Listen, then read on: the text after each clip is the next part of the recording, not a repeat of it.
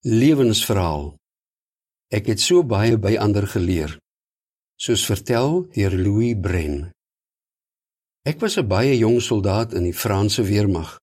Ons groep het in die berge van Algerië kamp opgeslaan in 'n gebied waar daar baie gevegte was. Een aand, toe dit pikdonker was, het ek met 'n masjiengeweer in my hand wag gestaan agter 'n hoop sandsakke. Skielik het ek voetstappe gehoor en ek was doodbang. Ek wou niemand doodmaak nie en ek wou nie doodgemaak word nie. En daarom het ek uitgeroep: God help my. My lewe het daardie aand verander. Want dit was toe ek begin het om na God te soek. Maar voordat ek vertel wat verder op daardie donker aand gebeur het, wil ek julle vertel van 'n paar dinge wat met my as 'n kind gebeur het en wat veroorsaak het dat ek God wou leer ken. Lesse wat ek by my pa geleer het. Ek is in 1937 in Genève gebore, 'n myndorpie in die noorde van Frankryk. My pa was 'n steenkoolmyner en hy het my geleer hoe belangrik dit is om hard te werk. My pa het my geleer om ongeregtigheid te haat. Hy het gesien dat baie myners onregverdig behandel was en onder gevaarlike omstandighede moes werk en hy wou hulle help. Daarom het hy aangesluit by organisasies wat vir die regte van myners geveg het. Hy was ook kwaad toe hy gesien het hoe skynheilig die plaaslike priesters was. Baie van hulle het 'n gemaklike lewe gehad, maar hulle wou nog steeds hê dat die arme myners vir hulle kos en geld moes gee. Die gedrag van die priesters het my pa so ontstel dat hy my niks oor godsdiens geleer het nie en ons het nie eers oor God gepraat nie. Terwyl ek groot geword het, het ek ongeregtigheid ook begin haat. Een van die dinge wat ek gedink het onregverdig was, was die feit dat baie mense in Frankryk niks van uitlanders gehou het nie. Ek het sokker gespeel met die kinders van immigrante en ek het dit geniet om tyd saam met hulle te spandeer. My ma is in elk geval Pools en nie Frans nie. Ek wou baie graag hê dat mense van verskillende rasse in vrede moes saamlewe en dieselfde behandel moes word. Ek begin ernstig dink oor die lewe. In 1957 was ek opgeroep vir militêre diens. Dit is hoe ek in die berge van Algerië beland het op die donker aand waarvan ek vroeër gepraat het. Nadat ek uitgeroep het, God help my, het ek nie 'n vyand gesien nie, maar eerder 'n wilde donkie. Wat 'n verligting! Maar die oorlog en wat daardie aand gebeur het, het my ernstig laat dink oor die betekenis van die lewe. Hoekom is ons hier? Gee God vir ons om. Sal daar ooit vrede op die aarde wees? Later, toe ek op verlof was, het ek een van Jehovah se getuies by my ouers se huis ontmoet. Hy het vir my 'n Katolieke vertaling van die Bybel in Frans gegee en ek het dit begin lees nadat ek na Algerië toe teruggegaan het. Wat ek in Openbaring 21 vers 3 en 4 gelees het, het my baie laat dink. Dit sê: Die tent van God is by die mensdom en God sal elke traan van hulle oë afvee en die dood sal nie meer daar wees nie. Daar sal geen getreur, geen gehuil en geen pyn meer wees nie. Ek was verbaas toe ek daardie woorde gelees het. Ek het gewonder of dit waar kon wees. Op daardie stadium het ek basies niks oor God en die Bybel geweet nie. Nadat ek in 1959 die weermag verlaat het, het ek 'n getuie met die naam François ontmoet wat my baie Bybelwaarhede geleer het. Hy het byvoorbeeld vir my in die Bybel gewys dat God 'n persoonlike naam het, Jehovah. Hy het verduidelik dat Jehovah sal seker maak dat daar geregtigheid op die aarde is, dat hy die aarde in 'n paradys sal verander en dat hy die woorde in Openbaring 21 vers 3 en 4 sal vervul. Wat hy my geleer het, het baie sin gemaak en dit het my hart geraak. Maar ek was baie kwaad vir die priesters en ek wou hulle gaan aanvat omdat hulle mense dinge leer wat nie in die Bybel staan nie. Ek het tog soos my pa gedink en ek was ongeduldig. Ek wou dadelik iets doen. François en my ander nuwe getuie vriende het my gehelp om te kalmeer. Hulle het verduidelik dat ons as Christene nie ander mense moet oordeel nie, maar dat ons eerder vir hulle deur middel van die goeie nuus van die koninkryk hoop moet gee. Dit is wat Jesus gedoen het en dit is wat hy vir sy volgelinge gesê het om te doen. Ek moes ook leer om mooi en taktvol met mense te praat. Maak nie saak wat hulle glo nie. Die Bybel sê 'n slaaf van die Here hoef nie te stry nie. Hy moet eerder vriendelik wees teenoor almal. 2 Timoteus 2 vers 24. Ek het die nodige veranderinge gemaak en is in 1959 by 'n kringbyeenkoms as een van Jehovah se getuies gedoop. Daar het ek 'n jong suster met die naam Angel ontmoet en ek het baie van haar gehou. Ek het af en toe haar vergaderings bygewoon en ons is in 1960 getroud. Sy is regtig 'n uitstekende en wonderlike vrou en 'n kosbare geskenk van Jehovah. Ek het baie by wyse en ervare manne geleer. Oor die jare het ek baie belangrike lesse by wyse en ervare broers geleer.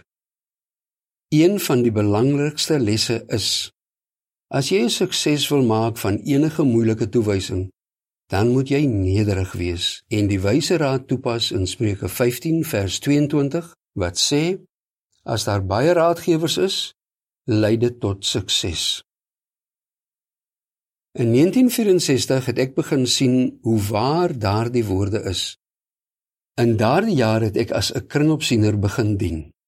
Ek het gemeentes besoek om die broers aan te moedig en geestelik op te bou. Maar ek was toe maar net 27 jaar oud en ek het nie baie ondervinding gehad nie. Daarom het ek foute gemaak. Maar ek het probeer om uit my foute te leer. Ek het veral by ervare raadgewers baie waardevolle lesse geleer. Byvoorbeeld, ek onthou iets wat gebeur het kort nadat ek op die kring begin dien het. Nadat ek 'n gemeente in Parys besoek het, het 'n geestelik volwasse broer my gevra of hy alleen met my kan praat. Natuurlik het ek gesê, Hy het vir my gevra, "Louis, as 'n dokter 'n huisbesoek doen, na wie toe gaan hy?" "Na die wat siek is," het ek gesê. Hy het gesê, "Dis reg. Maar ek het gesien dat jy die meeste van jou tyd spandeer saam met broers wat geestelik sterk is, soos die gemeenteopsiener. Daar is baie broers en susters in ons gemeente wat mismoedig, nuut of skaam is." Hulle sal dit baie waardeer as jy tyd saam met hulle spandeer of selfs na hulle huise toe gaan vir 'n ete. Daardie dierbare broer se raad was baie waardevol en gepas. Sy liefde vir Jehovah se skape het my hart geraak. Daarom het ek my trots gesluk en sy raad onmiddellik toegepas. Ek dank Jehovah vir sulke broers. In 1969 en 1973 is ek aangestel om te dien as die opsiener van die kosafdeling by twee internasionale byeenkomste in Colombe, Parys. By die byeenkomste in 1973 moes ons vir 5 dae vir omtrent 60 000 mense kos voorsien. Ek het nie geweet hoe ons dit gaan doen nie. Maar weer eens was die raad in Spreuke 15 vers 22 die oplossing gaan praat met wyse mense. Ek het geestelik volwasse manne wat ondervinding gehad het in die kosbedryf vir raad gevra. Party van hulle was slagters, plaasboere, kokke en aankopers. Saam het ons 'n toewysing uitgevoer wat vir ons soos 'n berg gelyk het. In 1973 is ek en my vrou genooi om by Bethel in Frankryk te dien. My eerste toewysing daar was ook vir my 'n groot uitdaging. Ek moes lektuur voorsien aan ons broers in Kameroen waar ons werk tussen 1970 en 1993 verbied was. Ek het weer nie geweet hoe ek dit gaan doen nie. Die takopsiener het seker gesien dat ek oorweldig voel en hy het my aangemoedig deur te sê: "Ons broers in Kameroen het geestelike kos dringend nodig. Kom ons gee dit vir hulle." En dit is presies wat ons gedoen het. Ek het 'n hele paar keer na die lande om Kameroen gereis om vergaderings te hou met die ouer manne van Kameroen. Daardie moedige en verstandige manne het my gehelp om te reël dat die broers in Kameroen gereeld geestelike kos kry. Jehovah het ons pogings geseën om die waarheid te sê vir omtrent 20 jaar het die broers in daardie land elke liewe wagtoring gekry sowel as 'n maandelikse publikasie wat op daardie stadium ons koninkryksdiens genoem is. Ek het baie by my kosbare vrou geleer. Vandat ons begin uitgaan het, het ek gesien dat Angel pragtige geestelike eienskappe het. Nadat ons getrou het, het ek daardie eienskappe selfs meer gesien. Byvoorbeeld, sy het al op die aand van ons troudag vir my gevra om te bid oor ons begeerte om Jehovah as 'n getroude paartjie na die beste van ons vermoë te dien. Jehovah het daardie gebed beantwoord. Angel het my ook gehelp om meer op Jehovah te vertrou. Byvoorbeeld, toe ons in 1973 genooi is om by Bethel te dien, het ek eers gehuiwer omdat ek baie daarvan gehou het om op die kring te dien. Maar Angel het my herinner dat ons ons lewe aan Jehovah toegewy het. Moet ons dan nie doen wat ook al sy organisasie ons vra om te doen nie? Hoe kon ek daarteen stry? En toe is ons Bethel toe. Deur al ons jare saam het my vrou se wysheid, verstandigheid en geestelike uitkyk ons huwelik versterk en ons gehelp om goeie besluite te maak. Nou dat ons ouer is, is Angel nog steeds 'n uitstekende vrou wat my baie goed ondersteun.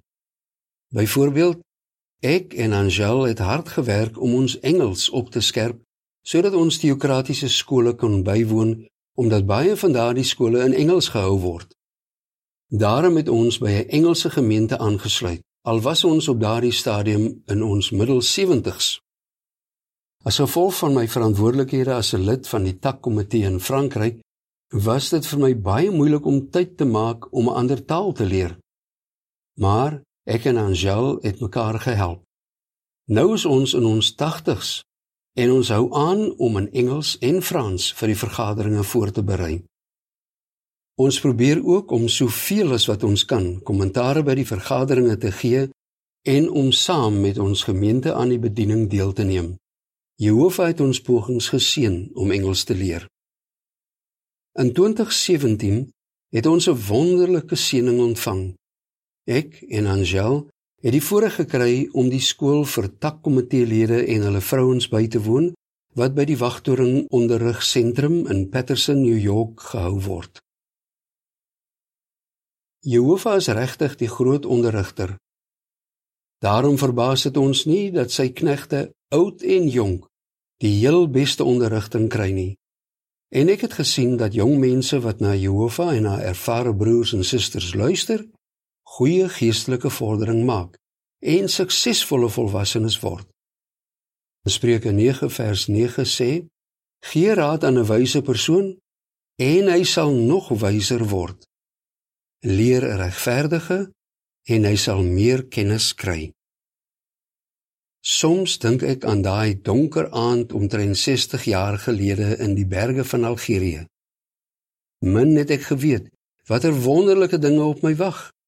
Ek het so baie by ander geleer. Jehovah het regtig vir my en Angel 'n wonderlike vol lewe gegee. Daarom is ons vasbeslote om nooit op te hou om te leer by ons hemelse Vader en by wyse en ervare broers en susters wat hom liefhet nie. Einde van artikel.